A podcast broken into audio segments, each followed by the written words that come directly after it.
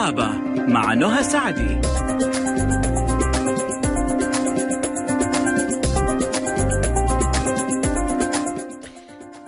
الرحمن الرحيم. السلام عليكم ورحمة الله وبركاته. أحلى مستمعين مستمعي ألف ألف أفهم الموجة السعودية مستمعي برنامج طبابة ألف اللي بيجيكم يوميا من الأحد للخميس.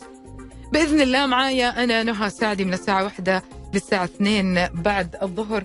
بنكون مع بعض في ساعة جدا مفيدة. مع ضيف وضيوفنا من النخبة النخبة فقط في برنامج طبابة ألف. هم اللي بينورونا وهم اللي بينورونا برضو بالمعلومات اللي بنستفيد منها. تواصلكم معنا حيكون على عدة طرق زي ما أنتم حابين زي ما حقول لكم الآن. يلا سجلوا معايا. إذا اتصال 012 61 61 100 012 616 1100 إذا رسالة حتكون على رقم الواتساب على 055 66 8901 055 66 8901 معك آيفون معك آيباد معك أي جهاز نظام iOS. ادخل على متجر آبل أو App Store حمل تطبيق ألف ألف FM معك جهاز نظام أندرويد. ادخل على Google Play. حمل نفس التطبيق. فيسبوك تويتر إنستغرام قناة اليوتيوب. كلها على نفس الحساب ألف ألف FM. سناب شات على ألف ألف FM live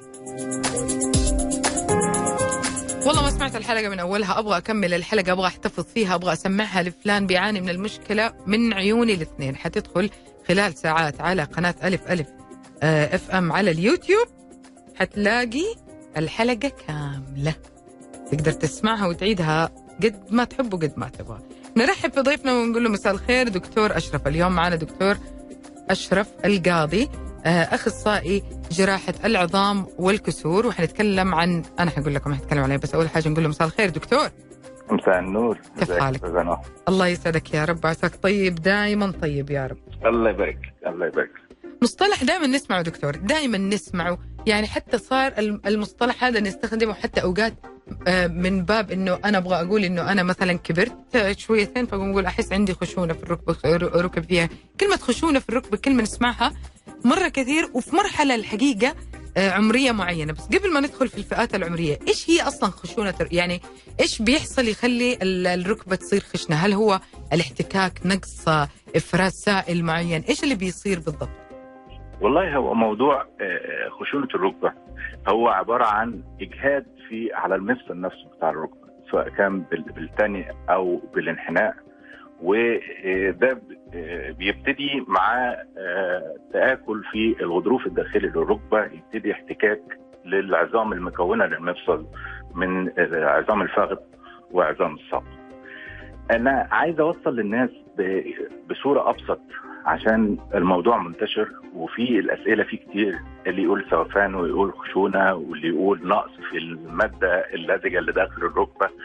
ولكن لما نفهمها واحدة واحدة نبتدي كل واحد يتعامل معانا أو المريض يبتدي يتعامل مع الدكتور بتاعه لأن هو علاج متكامل ما بيبقاش العلاج من طرف الدكتور بس. المفروض إن المريض يبقى متفهم إيه اللي عنده. وأنه مرحلة هو فيها. عشان ما يخشش للمرحلة اللي بعدها. آه، يعني يعني إحنا نقدر نقول إنه مشكلة خشونة الركبة لها كمان مراحل. طبعا أربع مراحل. هو لا. اولا خليني أتكلم عموما عشان بس يبقى الكلام واضح. العلمي مم. على جنب والكلام للناس عشان تبقى فاهمة الثقافة الطبية نوصل لراجل الشارع بالراحة وللناس الكبيرة تبقى فاهمة إحنا بنقول إيه يا سلام كلمة خشونة ركبة نوعين يا إما إن هي النوع الأولي اللي ده بيحصل مع التقدم في السن يا إما النوع الثانوي والثانوي ده بيحصل نتيجة خلل في ال biomechanics بتاع الركبة يعني في طريقة حركة الركبة واحد عمل حادثة لعيب كرة قطع في رباط الكلام من ده فبيحصل خلل في المفصل نفسه. في حركة المفصل. فده دي علاجات تانية خالص ده بيحصل في أي سن لأن ده بيحصل مع الإصابات نفسها إنما ال- المنتشر واللي هو اللي موجود واللي بنعانيه كلنا اللي هو ال ال الأولي اللي. هو ال primary osteoarthritis ده بيحصل بالظبط أنا عايز أقول إن الغضاريف اللي داخل الركبة ربنا عملها زي الوسادة زي السوستة بتاعت السيارة. لامتصاص الصدمات ما بين عظمة الفخذ وعظمة الساق. سبحان الله. الأنسجة دي من الأنسجة المليئة بالمية. فوق ال 45 معظمنا المية اللي في جسمه بتقل عموما زي ورقة الشجرة اللي كانت خضراء ونشفت. فبيقل حجم الأنسجة اللي كانت غنية بالمية. من ضمنها اللي هي زي عدسه العين كده تلاقينا كلنا فوق ال 45 وال 50 ابتدينا نلبس نظارات لأن المية اللي بقت جوه العدسه قلت فأصبحت القوة بتاعتها بتقل من الأول فبنضطر نلبس نظارة عليها. أما بالنسبة للركبة فالحجم نفسه بتاع الغضروف بيقل. لما بيقل الحجم بيقرب العظام من بعضها عظمة الفخذ من عظمة الساق. وهنا بنقف عند الحتة دي عند مرحلة 45 سنة. طبعا الراجل للست الموضوع أكتر في الستات. اللي, اللي عنده وزن زيادة غير اللي ما عندوش لأن ده اللي هيزود الضغط داخل الركبة هيزود الاحتكاك مم. اللي عنده أمراض مزمنة غير اللي ما عندوش. سكر كوليسترول أملاح لأن الحاجات دي سواء كان السكر بيزود الالتهابات في المفاصل كلها مهم. الكوليسترول والأملاح بيبقى زي الرملة جوه المفصل فممكن بيزود الاحتكاك بيزود الالتهابات اللي موجودة. لو أنا حبيت أخلي الناس تتخيل أكتر أنا بتخيل إن داخل الركبة هو مم. زي ما نكون في الحج وبيحصل احتكاك في الفخذ من الحركة الكتير فبيحصل في الأول بيحس إنه في آلام بس ما فيش حاجة. بعد كده المرحلة اللي بعدها بيبقى فيه التهاب ما بين الفخذين بيلاقي لون أحمر. ده اسمه مرحلة التهاب. المرحلة اللي بعدها بيحصل تهتك في ال- الجلد نفسه.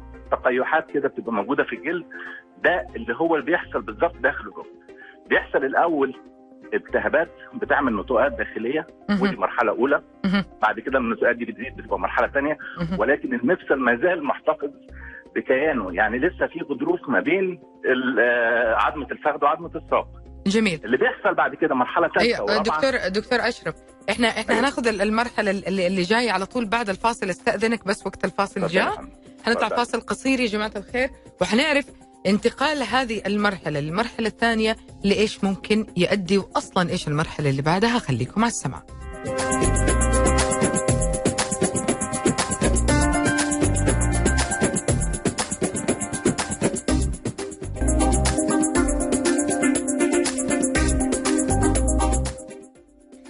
رجعنا لكم ومكملين معاكم ودكتور أشرف القاضي وبنتكلم عن خشونة الركبة. وصلنا إحنا كنا بنتكلم على إنه في مراحل. حنتعرف على المراحل الأول بعد كده حنبدأ بأسئلتنا. آه، نستكمل. أيوه. وبالنسبة لنا قلنا إن في أربع مراحل. مرحلة أولى نتوءات بس عظمية بعد كده المرحلة الثانية بيقل حجم الغضروف. نتيجة الانضغاطات اللي عليه المرحلة الثالثة بيبتدي العظم يقرب من بعضه، يبتدي بدايات الاحتكاك ال- ال- آه، بالذات في المناطق الداخلية للركبتين وده بيبتدي معاه انعواج في الركبة، آه من هنا يبدأ. من هنا يبدأ الانعواج. الركبة. دايما الستات الكبيرة تلاقي اللي عندهم الخشونة والاحتكاك الزايد يبتدي الركبة تبقى معوجة لبره. سبحان الله. عاملة حرف القوس يمين وشمال. مم. المرحلة الأخيرة هي المرحلة إن الغضروف بقى منتهي تماما وإن العظمتين عظمة الفخذ وعظمة الساق متلاصقين تماما. مع كل المراحل اللي قبل كده النتوءات العظمية والانعواج اللي موجود في الركبتين الكلام هنا أنا في انه مرحلة من دول يعني هو من غير ما أنا أروح للدكتور طبعا الدكتور بيشخصها بالأشعة وبالعلامات اللي تبقى موجودة. إنما اللي أنا أقصده إن. المريض نفسه عشان يبقى عارف إن كانوا مرحلة وهل هو كده الموضوع صعب بالنسبة له ولا ممكن علاجه بدري بدري أو. تلافي إن أنا أعدي من مرحلة للمرحلة اللي بعدها. ال- المرحلة الأولى ما بيبقاش فيه أي حاجة حتى في الأشعة هو نطوق بسيط بيبقى موجود في الأشعة إنما المريض ما بيحسش إلا بعد إجهاد الركبة يعني بعد عمل رياضة بعد مجهود بدني كبير. يبتدي يحس إن ركبه ابتدت تألمه بالذات لما بيجي ينام بالليل. المرحلة الثانية بيبقى الموضوع أقل شوية إن هو لو مشي مشوار طويل يبتدي يحس إن ركبته ابتدت طبعاً الوضع ده ما كانش معتاد عليه قبل كده. يعني نعم. بيمشي مسافة معينة ما كانش بيحس بيها بحاجة ابتدى يحس فيه في نهاية ال- المشي دي يبتدي يحس بالألم.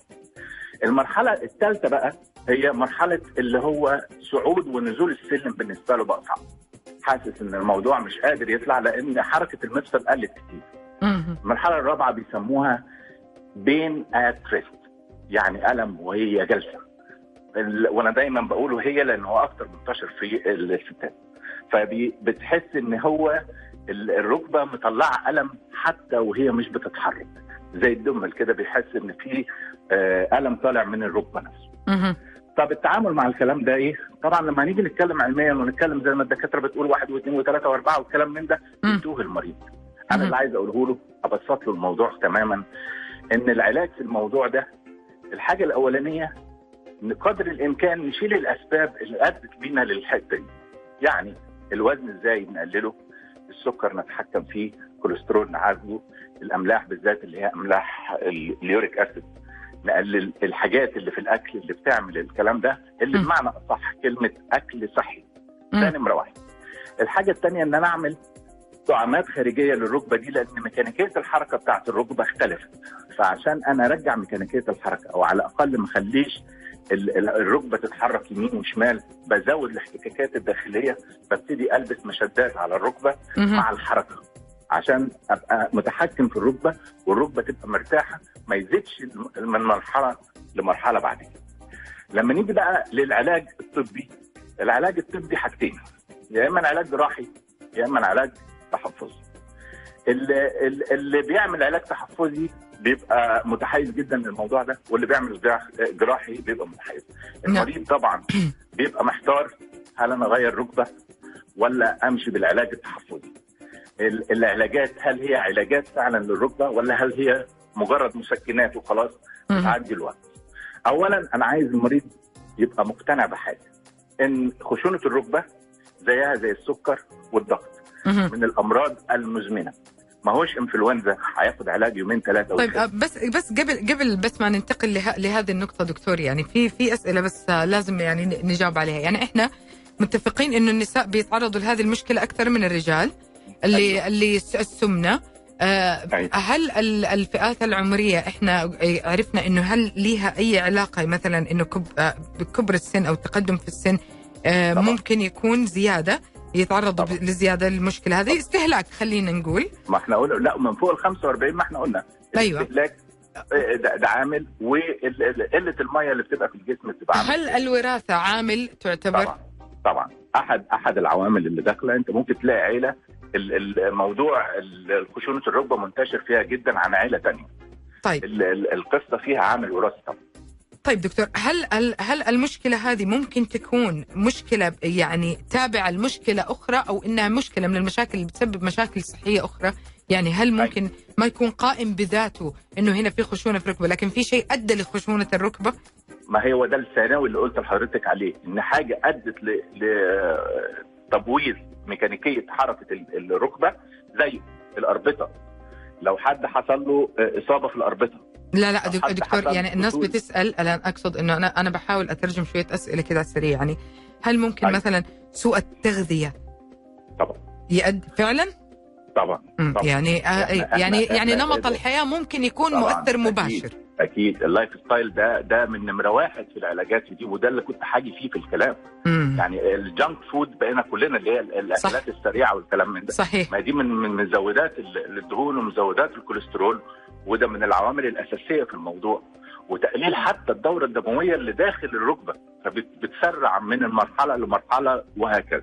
مم. إذا ما كانتش مأثرة على الركبة دايركت كده فهي مأثرة بإنها بتزود الوزن. وتزويد الوزن بيزود الضغط كل زيادة في حاجة ال- اللي هي كتلة الجسم لو أنا الكتلة الطبيعية بتاعتي صحيحة يبقى الضغط اللي على الركبة مش مؤثر صح. يعني الركبة قادرة تشيل اللي فوقيه كل كيلو زيادة عن الوزن الأيديال بيزود 10 كيلو ضغط على الركبة والضغط مم. ف... فشوف حضرتك لو واحد مثلا زايد بس 5 كيلو زايد 5 كيلو عن عن الطبيعي يبقى ماشي طول اليوم حاطط 50 كيلو فوق دماغه ماشي بيهم. يبقى ده مزود الضغط على الركبة فبيسرع من مرحلة للي بعدها وهكذا؟ يعني يعني حقيقي مشاكل ممكن كثير آه، والله تؤدي لهذا الموضوع. هي مشكلة. هل في هل لها مضاعفات قوية دكتور؟ يعني نقدر نقول تدخل في الخطورة؟ من إن أنا إن أنا مش قادر أقوم. يعني آه، دي أحد لما بتوصل لمرحلة إن هو ما بتقدرش تقوم ما بتقدرش تخدم نفسها أو ما يقدرش يقوم مم. وهكذا. لأن هو لو وصل المرحله الرابعة والعظام خلاص ما بقاش في مفصل ما بقاش في مفصل يتحرك فبقى أصلا مش قادر يخدم نفسه. وهو ده وهم دول من الحالات اللي دلوقتي بقت في أضيق الحدود إن إحنا نقول تغيير مفصل شامل.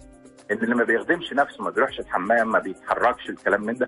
فالمفصل بي لما بنركب له مفصل كامل يقدر يتحرك بيه اللي هو ده اللي مطلوب منه وهو ده اللي, اللي هم مع ال- النوع التحفظي من العلاجات يقول لك اعمل الجراحة في اضيق الحدود. ليه؟ لأن كل العلاجات الحديثة دلوقتي اللي هي التحفظية بقت بتجيب نتائج كويسة جدا بس زي ما أنا كنت استهليت في الأول قلت إن لازم المريض يبقى عنده صبر يبقى حاسس إن عنده زي السكر والضغط ده مرض مزمن هيطول معاه ومكمل معاه لو اتعامل معاه وخد الأمور ببساطة إن هو طالما ماشي صح يبقى الألم هيروح وإن هيقدر يستخدم ركبته صح هيجيب نتائج عليها. العلاجات كتير ابتداء من العلاجات الدوائية العادية اللي هي مضادات البروستاجلاندين اللي الناس كلها دلوقتي تقول لك أنا كنت عند الدكتور وكتب لي مسكنات هم طبعا مش فاهمين القصة دي هو مش مسكنات صريحة هو كل أدوية العظام داخلها مسكن لأن هي معظم حاجات العظام بتبقى فيها آلام فبناء عليه بيبقى محطوط عليها مسكن يعني م. تلاقيه مرخي عضلات ومسكن تلاقي المادة معاها مادة مسكنة تلاقيه مضاد التهاب ومسكن تلاقيه مقوي عصب مم. مسكن وهو ده الكلام الناس تبقى فاهمة مش كل الكلام عبارة عن مسكنات ولكن هو بياخد ال course بتاع ال- ال- العلاجات اللي هي مضادة للالتهاب عشان أشيل الالتهاب اللي داخل الركبة ما خليهوش يزيد لأن الالتهاب بيموت خلايا والخلايا بتطلع مادة اسمها ال interleukin وال interleukin دي هي بداية اللي هم ال cytokines اللي هي بتهيج ال- الالتهابات داخل الركبة وتخليها تورم تلاقي. الركبة بتورم وبتتملى جوه بالمية فالكلام ده مهم قوي إن أنا آخد اللي هي مضادات للالتهابات بتاعت الركبة لفتره عشان أريح الركبة بعد كده العلاجات اللي بعد كده هي علاجات. منصبه على اللي باظ أصلحه الغضروف أصلا اللي اتاكل المواد اللي مكونة للغضروف دلوقتي بقت متاحة جدا موجودة إن أنا باخدها على مدارات طويلة. سواء كان الجلوكوزامين الناس كلها عارفة أسامي مش عايز أقول الأسامي إيه في أسامي حديثة طالعة بالجلوكوزامين ومعاها مواد في- فيتامينات ومعاها حاجات ضد الالتهابات الكوندروتين سلفيت وحاجات كده بتقلل الالتهاب وفي نفس الوقت بتملى داخل الغضروف بتقوي الغضروف اللي موجود ما بتخلوش يزيد في التاكل وبتحاول إن هي تديله صلاده بحيث إن الركبة تبقى متحملة ما بتكملش من مرحلة للي بعدها. اللي بعد كده ابتدوا يخشوا على على مرحلة ال PRP اللي هي ال ال الأجسام اللي هي البلازما المليانة بالصفائح الدموية. ودي من الحاجات اللي مهمة قوي اللي بتشيل الالتهابات داخل الركبه بتبقى حقن بتتحط جوه الركبة. بتقلل خالص من الالتهابات خصوصا في المراحل الأولانية اللي هي المرحلة الأولى والمرحلة الثانية.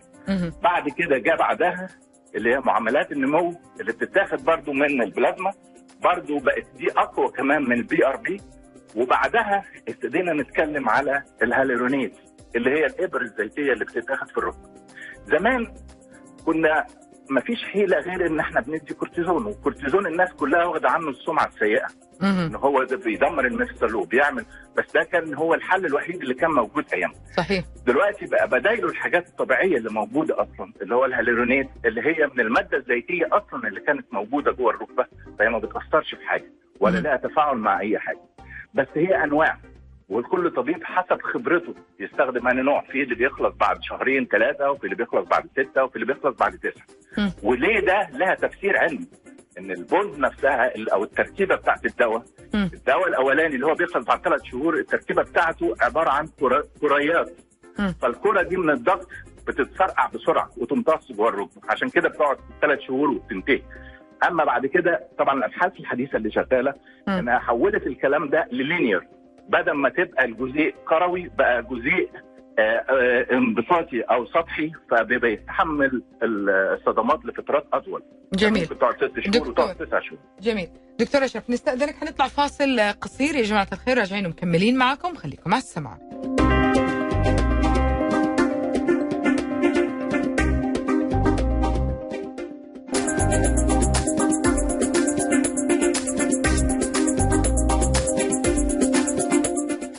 ورجعنا لكم ومكملين معاكم وموضوعنا عن خشونة الركبة.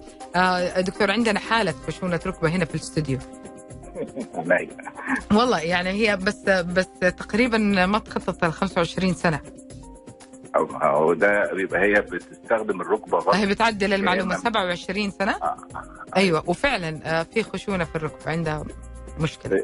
بتستخدم الركبة بتعمل إجهادات على الركبة. يعني حتى دلوقتي اليوجا اليوجا من ضمن الحاجات اللي هو اللي بيسموها وضع اللوتس اللي هي القعدة وتانية الركبة زي القعدة العربي بتاعتنا المربعة بس بتحط. القدم على الناحية الثانية دي من اللي, بتعمل الإجهادات على الركبة. وجدوا إن هو آه، ال- والقعدة بتاعت ال- اللوتس دي من ضمن الإجهاد على الركبة. قعد قعدة القرفصاء دي من ضمن ودي آه، منتشره قوي عندنا في البلاد العربية القعدة القرفصاء دي من ضمن الحاجات اللي برضو بتضغط على الأربطة وعلى الغضروف الداخلي بتاع الركبة فبتؤدي لخشونة بدري. مم. هي يعني طبعا لما بيبقى السن صغير فيه عنفوان والعضلات قوية فهي بتقدر إن هي تتعامل مع الموقف بدون ما تحسس ال- ال- العيان إن في مشكلة. ولكن على اللونج ران على الوقت بتبتدي تحس بتكون خطأ أيوه مؤذيه عن عن غيرها. طيب دكتور أنا الآن آه، بدأت أشعر مثلا بهذه المشكلة. فين يعني أنا وتوجهت لطبيب العظام كيف بتكون عملية التشخيص؟ يعني هل هي مثلا أشعات فقط عينة فقط ولا أسئلة فقط ولا يعني إيش بيكون شكل التشخيص؟ كل اللي حضرتك قلتيه ده متكامل. هو القصة إن أنا عشان أشخص هو الخشونة ما بتبقاش صعب تشخيصها حتى من بداية ال- المريض وهو بيتكلم. سنه وطريقة الكلام والإجهاد بيحصل إمتى والألم بيجي له إمتى والكلام ده. ولكن لتأكيد الكلام ده مع المريض. فالمفروض إن هو بيتعدي بخطوات. أولها التاريخ المرضي للمريض. بنبتدي معاه ال life style بتاعه بيشتغل إيه؟ ال ال الوزن بتاعه. زايد بنسبة قد إيه. الأمراض اللي عنده هل هي متحكم فيها ولا غير متحكم فيها بالذات السكر الكوليسترول والضغط ال ال الكلام ده هو بياخد علاجه منتظم ولا لأ؟ وهل ال- العلاجات دي مؤثرة ولا غير مؤثرة؟ يبقى إحنا نمرة واحد تاريخ مرضي ده بيتاخد بالكلام مع المريض. والإستفاضة في الكلام مع المريض إنه يطلع كل اللي عنده. هو أنا مش محتاج إن هو يك- يكلمني كلام علمي. هو أنا عايز يقول لي إيه اللي عنده بالظبط إيه اللي بيشتكي منه؟ وبعدين أنا اصنفه. ترجمة أيوه ترجمة لصورة علمية. لأن فعلا المريض لما انت بتسيبه يك- يكمل كل الكلام اللي عنده بيرتاح بيحس إن هو طلع كل اللي بيقوله لك على أساس إنك متخيل إن كل حاجة هيقولها لها علاج. ولكن هو فعلا كل اللي بيقوله له أهمية عند الدكتور. فنمرة واحد التاريخ المرضي اللي بتاخده من المريض وبتسيبه يسهب في الكلام على قد ما هو عايز يقول بعد كده ال- ال- التاريخ العلاجي. أنواع العلاجات اللي بياخدها وهل لها تأثيرات ولا ملهاش تأثيرات؟ اولا تأثيرات علاجية بالنسبة له يعني النتائج بتاعته اللي قبل كده مثلا سكر عامل سكر تراكمي بالنسبة آخر ثلاث شهور ولقيته متحكم فيه كويس ومش معدي واصل لخمسه خمسة ونص مش معدي بعد كده يبقى هو ماشي كويس. اللي, اللي بعد كده هل عنده أملاح ولا ما عندوش أملاح؟ وبناء عليه حتى هو لما قالهاش ببتدي أنا أسأل على الأعراض اللي هي في أملاح وبالذات بيهمني في الموضوع أملاح النقرس. هل في ألم بيجي له في قعوبه لما بيصحى من النوم الصبح أو لما بيصحى من النوم؟ هل بيجي له الام في, ال- في الأصابع بالذات الصبع ال- الكبير. ال- هل في تورمات حوالين مثل الكاحل مع المشي كتير والكلام من ده؟ في أعراض كتير لأعراض النقرس المفروض إن أنا لو هو ما قالهاش أنا ببتدي أسأل إذا كانت موجودة ولا غير موجودة. بعد كده لأن دي هتخش في العلاجات بعد كده. لما أبتدي أعالج هبتدي هقول له الحاجات اللي يمتنع عنها عشان يقلل الأملاح. فده مهم إن أنا بس يعني- في الأول يعني نقدر المريض. نقول إنه التشخيص يتضمن الأسئلة ويتضمن التاريخ ال- المرضي والتاريخ ال- ال- ال- يعني المريض بصفة عامة والتحاليل والأشعة كمان بالظبط بعد. كده بنخش في مرحلة الأشعة وأهم حاجة في الأشعة بنبتدي طبعا بالاشعه بالأشعة العادية اللي هي أبيض وأسود بس أهم حاجة الوضع إن هو يصور الركبتين وهو واقف مم. الوضع ده مهم قوي ان أشوف إن الركبة إيه اللي فاضل منها لما هو لما إنه بيصوره وهو نايم المستر بيبقى اتفتح فممكن ما يد- يديني انطباع خاطئ إنما لما بيبقى واقف وأصوره يبقى الحمل بتاع الركبة بقى متواجد وبقيت شايف الموضوع واقعي أعرف بالظبط اللي فاضل من المفصل قد إيه والغضروف التاكل بنسبة قد إيه مهم. بعد كده التحاليل بتخدم في الكلام ده. يعني بنشوف السكر نشوف الكوليسترول نشوف الأملاح ولو عنده حاجات تانية ممكن تعمل زي الكسل فيه ودي موجودة كتير قوي في ال- الغدة الدرقية لما بيبقى فيها عندها كسل فدي من ضمن العوامل اللي بتؤدي لسمنة. فهل هي منتظمة ولا غير منتظمة؟ هل بتاخد علاجاتها مظبوط ولا لأ؟ ده بتأثر فيها. كمان في حاجة مهمة قوي إن أنا لو لو ست كبيرة ومعدية 60 أو أو راجل كبير بس أنا بتكلم أكتر بالنسبة للستات دي حاجة مهمة بتخدم في الموضوع ده اللي هو هشاشة العظام. فهل هو معاها هشاشة عظام ونقص كالسيوم وفيتامين د والكلام من ده عشان بالمرة ده لأن الركبة ما هيش بس غضاريف داخلية لأ ده فيها داخل فيها العظام وده مهم قوي عظمة الساق وعظمة الفخذ والعمود الفقري كل دي مهمة للكيان الحركي بتاعة المريض فلازم إن أنا بشيك على كل حاجة من دي بدون ما أنا أرهق المريض إن هو أقلقه إن في حاجة ولا ما فيش حاجة هي واحدة واحدة زي ما بقول لحضرتك بيتاخد الأول التاريخ المرضي وبعدين ببتدي يعمل الاشعه العاديه. والتحاليل اللي تخدم إن إيه اللي مؤثر أو إيه السبب الرئيسي اللي مزود الخشونة من المرحلة اللي بعدها. بعد. كده الاسترسال بقى مع المريض في ان أنا في الأول أفهمه إيه اللي عنده في ماكتات بتبقى موجودة في العيادة بتشرح له يعني إيه الغضروف الهلالي يعني إيه غضروف هلالي داخلي وخارجي يعني إيه إن اللي حصل فيه يوم تاكل يعني إيه حصل ميكانيكية الحركة بتاعت الركبة اتغيرت يعني إيه اتعوجت ليه الركبه كده يعني إيه بقى فيها التهابات داخلية وبعدين أبتدي أقول له العلاج بيبدأ من عندي بعلاج يعني خ- خطة العلاج بتكون على حسب المعطيات هذه كلها. بالظبط آه هذه بالضبط. المرحلة دكتور يعني يمكن إحنا عشان تكلمنا فيها مطولا اللي هي التشخيص.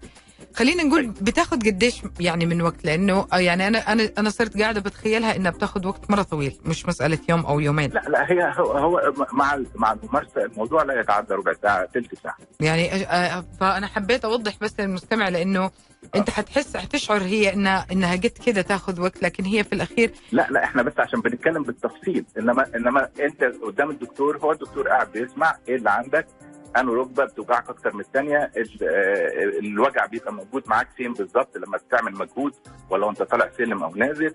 ولا وأنت قاعد في برضو ألم دي أسئلة كلها بتتحط واحد اثنين ثلاثة أربعة بسرعة بعدين يبتدي في مرحلة الابحاثات يعمل الأشعة العادية ويعمل التحاليل أقلها أو الحاجة السريعة اللي هيتعمل سكر وكوليسترول وأملاح.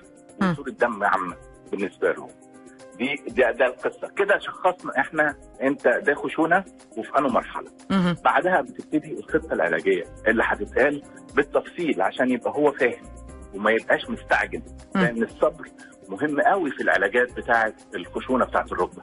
عشان تجيب نتائج لأن حتى بالحاجات الحديثة دي معظمها بيقولوا النتيجة ال- اللي هي مؤكدة عالميا النتائج السريعة بتبقى 70% من الحالات بتبقى وقتيه اللي بالذات لما بياخد العلاجات وبياخد معاها الحقن سواء كان PRP أو hyaluronate ايا كانت القصة ففي 70 في المية من المرضى بيقوموا من تاني يوم يقولوا الدنيا بقت جميلة في 30% صحيح بتتأخر بس. نتائجها بتبقى مؤخرة شوية اللي بتقعد شهر واللي بتقعد شهرين وهكذا.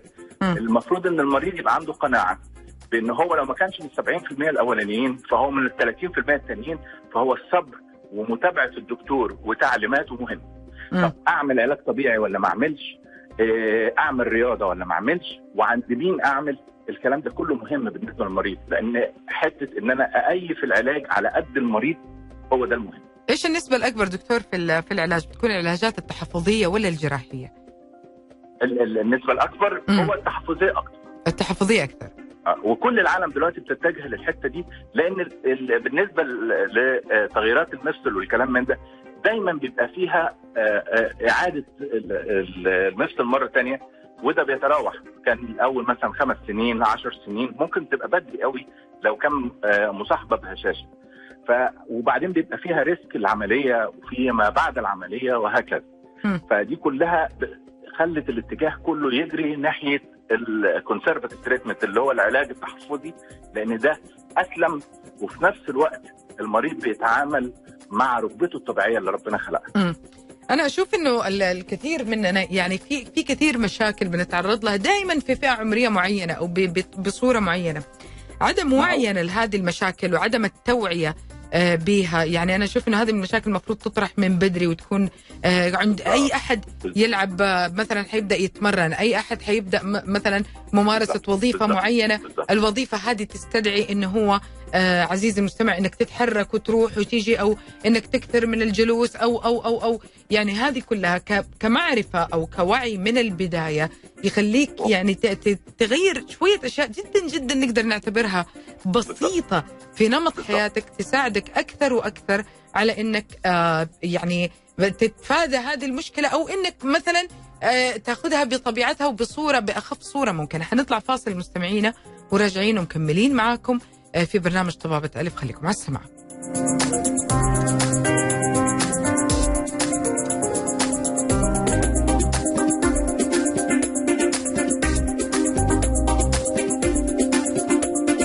رجعنا لكم وهذا ختام حلقتنا. وطبعا إحنا في الختام دائما بنكون في في هذه العشر دقائق اللي قدامنا الآن بنتكلم عن طرق العلاج المتاحة أحدث الطرق تغيير هذه الطرق والوقاية يعني كنمط حياة. تفضل دكتور أشرف. آه، بالنسبة لنا قلنا ال- العلاج آه، بنتكلم على العلاج التحفظي هو لازم مشاركة المريض فيه. نمرة واحد تغيير ال life style أو طريقة آه، معيشة المريض وبين طريقة أكله وطريقة عمله. لطريقة إمتى يعمل رياضة وإمتى ما يعملش وده مهم قوي إن هي برضه تتصنف لكل واحد. طبعا آه، بعيدا عن السكر وتحكمات المفروض إن هو بي- بيبقى متابع مع دكتور الباطنية وباستمرار علشان ياخد العلاج المناسب له وما يبقاش السكر بتاعه في انخفاضات وان- وانخفاضات عالية كتير وده بيؤدي لمضاعفات بدري في السكر وهو ده أحد ال- المضاعفات من ضمنها التهابات المفاصل ومنها الركبة. النمرة اثنين بالنسبة للأملاح وأهمهم اللي هو أملاح اليوريك أسيد طبعا بيمتنع عن الحاجات اللي بتأدي الكلام ده عندنا حاجات كتير قوي بس أهمها اللحم الأحمر. الفول والطعمية والحمص العدس الفاصوليا التونة البيتزا المكسرات ال- المجادم حق الغنم. والمياه الغازية البيبسي والكولا والكلام من ده بيبتدي يمتنع عن الحاجات دي لمدة شهر اثنين ثلاثة على حسب لغاية ما ينزل. ولو هو عالي بالنسبة طبعا. طبعا دكتور بي بي يعني لو طلب قائمة بال بال بالوجبات أو بال بالشيء اللي يعني بي بيعطيه طبيبه المفروض صح؟ طبعا المفروض إن هو بيكتب الكلام لأن إحنا قلنا من ضمن التحاليل اللي بتتعمل بشوف السكر والكوليسترول والأملاح لو الأملاح زايدة عنده بعالجها يا إما بالحمية بس يا إما بالحمية ومذيبات الأملاح سواء كانت ال- ال- بالحبوب أو بالفورات كمان عشان أزود من إخراج الأملاح. مم. تاني حاجة مهمة قوي قوي قوي قوي بتعتبر من ضمن العلاجات إحنا لو رجعتي في الأول خالص من الأسباب هو نقص المية. المية علاج أساسي. في ناس ما بتشربش مية كتير ودي كارثة. المية المفروض إن لها مقياس إن أنا بشرب أكتر من 2 لتر يوميا. يقول لك طب بروح الحمام كتير؟ مفيش مشاكل بس هو مهم قوي المية. ومية بس. المية نفسها ما يقولكش أنا بشرب عصيرات بشرب مش عارف إيه لا مية 2 لتر. أكتر من كده كويس أقل من كده لا. دي من الحاجات المهمة. يبقى العلاجات الأساسية سواء كان للمسببات ال- الابتعاد عن الحاجات اللي بتؤدي للأملاح شرب المية الكتير. الرياضة. الرياضة أنا بشوف إن هم الرياضة لو كانت مرحلة أولى ومرحلة ثانية ما فيش مشاكل. آه، اللي هو رياضة المشي رياضة السباحة. مهم. ال- ال- الكلام ده كويس. إنما بالنسبة للناس مرحلة ثالثه ورابعة هيمشي إزاي؟ أنا بشوف يعني آه، غلاب على الكورنيش مسندينهم وماشيين وده بيعمل إجهاد زيادة على آه. صح. وجهة النظر العلمية ان إن الدورة الدموية بتزيد داخل الركبة مع الرياضة.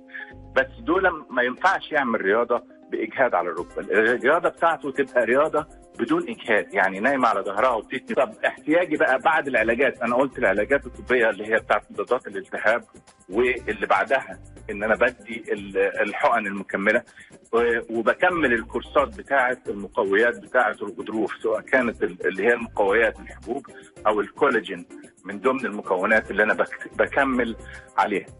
العوامل المساعدة في الكلام ده حاجات كتير بس أنا يهمني فيهم العلاج الطبيعي والعلاج الطبيعي لحد يكون فاهم أنا عايز أزود عايز أرجع ميكانيكية حركة الركبة وأزود كفاءة العضلة الرباعية اللي هي الأمامية بتاعت الفخذ.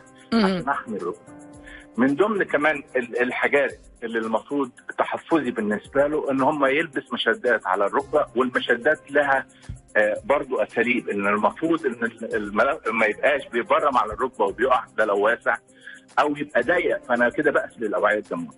أنا باخد ما يناسب ركبتي ببقى قاعد وبجيب سواء كانت من شركة طبية أو من الصيدليات الكبيرة وبلبس المشد وأتأكد إن هو يناسبني وأنا ماسك ولا سايب لأن هو مقاساه بالظبط زي التيشيرتات. وحاجة مهمة قوي إن أنا ما أنامش بالمشد ده بالليل لأنه بقى أكيد أكيد. الدموية. يعني يتهيألي هذا يضر الشخص على على اصعده بال- كثير بالظبط. فهو ما تلبسش المشدات وأنت نايم بالليل لا ده مع الحركة عشان تدعم الركبه اللي موجوده دايما أحاول يبقى في حركة. قاعد بقعد كتير على مكتب بقعد كتير قدام لابتوب. أو شغل يستدعي الوقفة لفترات طويلة الطباخين مش عارف إيه أو الست البيت في البيت والكلام من ده الحركة. ما تبقاش الوقفة لفترات طويلة ثابت. لا أنا بتحرك ومش حركة كتير ولا حاجة ولكن إن أنا بعد وقف مش أكتر من نص ساعة أبتدي أتحرك رايح جاي الكلام من ده أو ما أزود الدورة الدموية اللي موجودة داخل الركبه مهم. ال- العوامل دي كلها لما بتتاخد في الاعتبار والواحد واخدها سلس واحد واحد وبيتعامل مع المريض أو المريض نفسه بياخد المعلومات من الدكتور اللي يناسبه بيعمله بيرتاح كتير وبيجيب نتائج جميلة. والحمد لله في ناس كتير قوي بتبقى راضية باللي وصلت له وبتوصل لمراحل متقدمة جدا من العلاج مم. يعني نقدر نقول إنه آه ال- العلاجات أي دكتور مو كل الناس عندهم القدرة أو يعني إنهم. ي- يعني العلاج الطبيعي إنهم يكونوا دائما متواجدين، هل ممكن يكون في جداول أو حركات معينة بتدريب معين إنه يعني يمارسها في في البيت؟ في في كتير في كتير. واليوتيوب مليان. اللي, اللي طبعا ما بيعرفش الكلام ده أنا يهمني اللي هي تقوية العضلة الرباعية.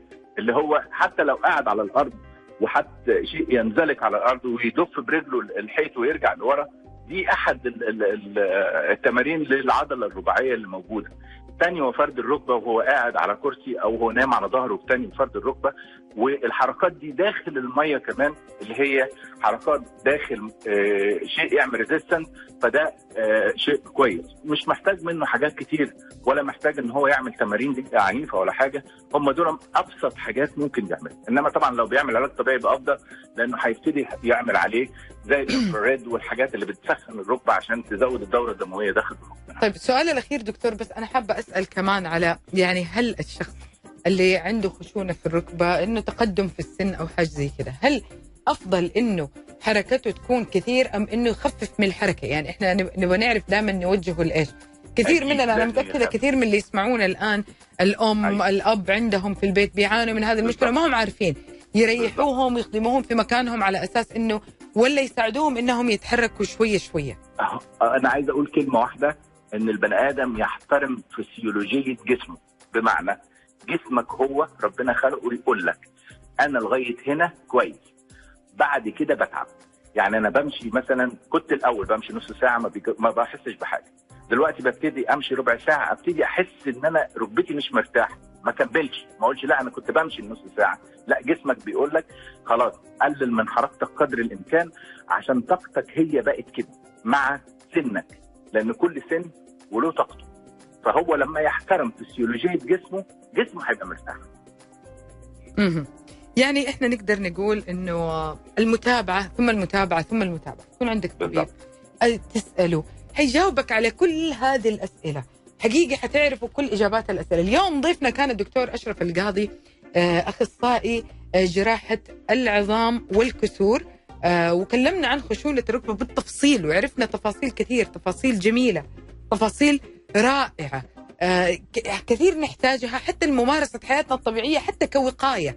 يعني دمجنا الوقاية مع طرق العلاج مع حتى طرق التشخيص وتكلمنا عن تفاصيل آه، جميلة. الحلقة حتلاقوها على اليوتيوب خلال ساعات. شكرا دكتور أشرف على وجودك معنا. ألف شكر ألف شكر. يعطيك العافية. حقيقي ما قصر معنا دكتور أشرف على أمل يجدد لقائي فيكم بكرة بإذن الله في حلقة جديدة من برنامج تيمبو الساعة 10 الصباح.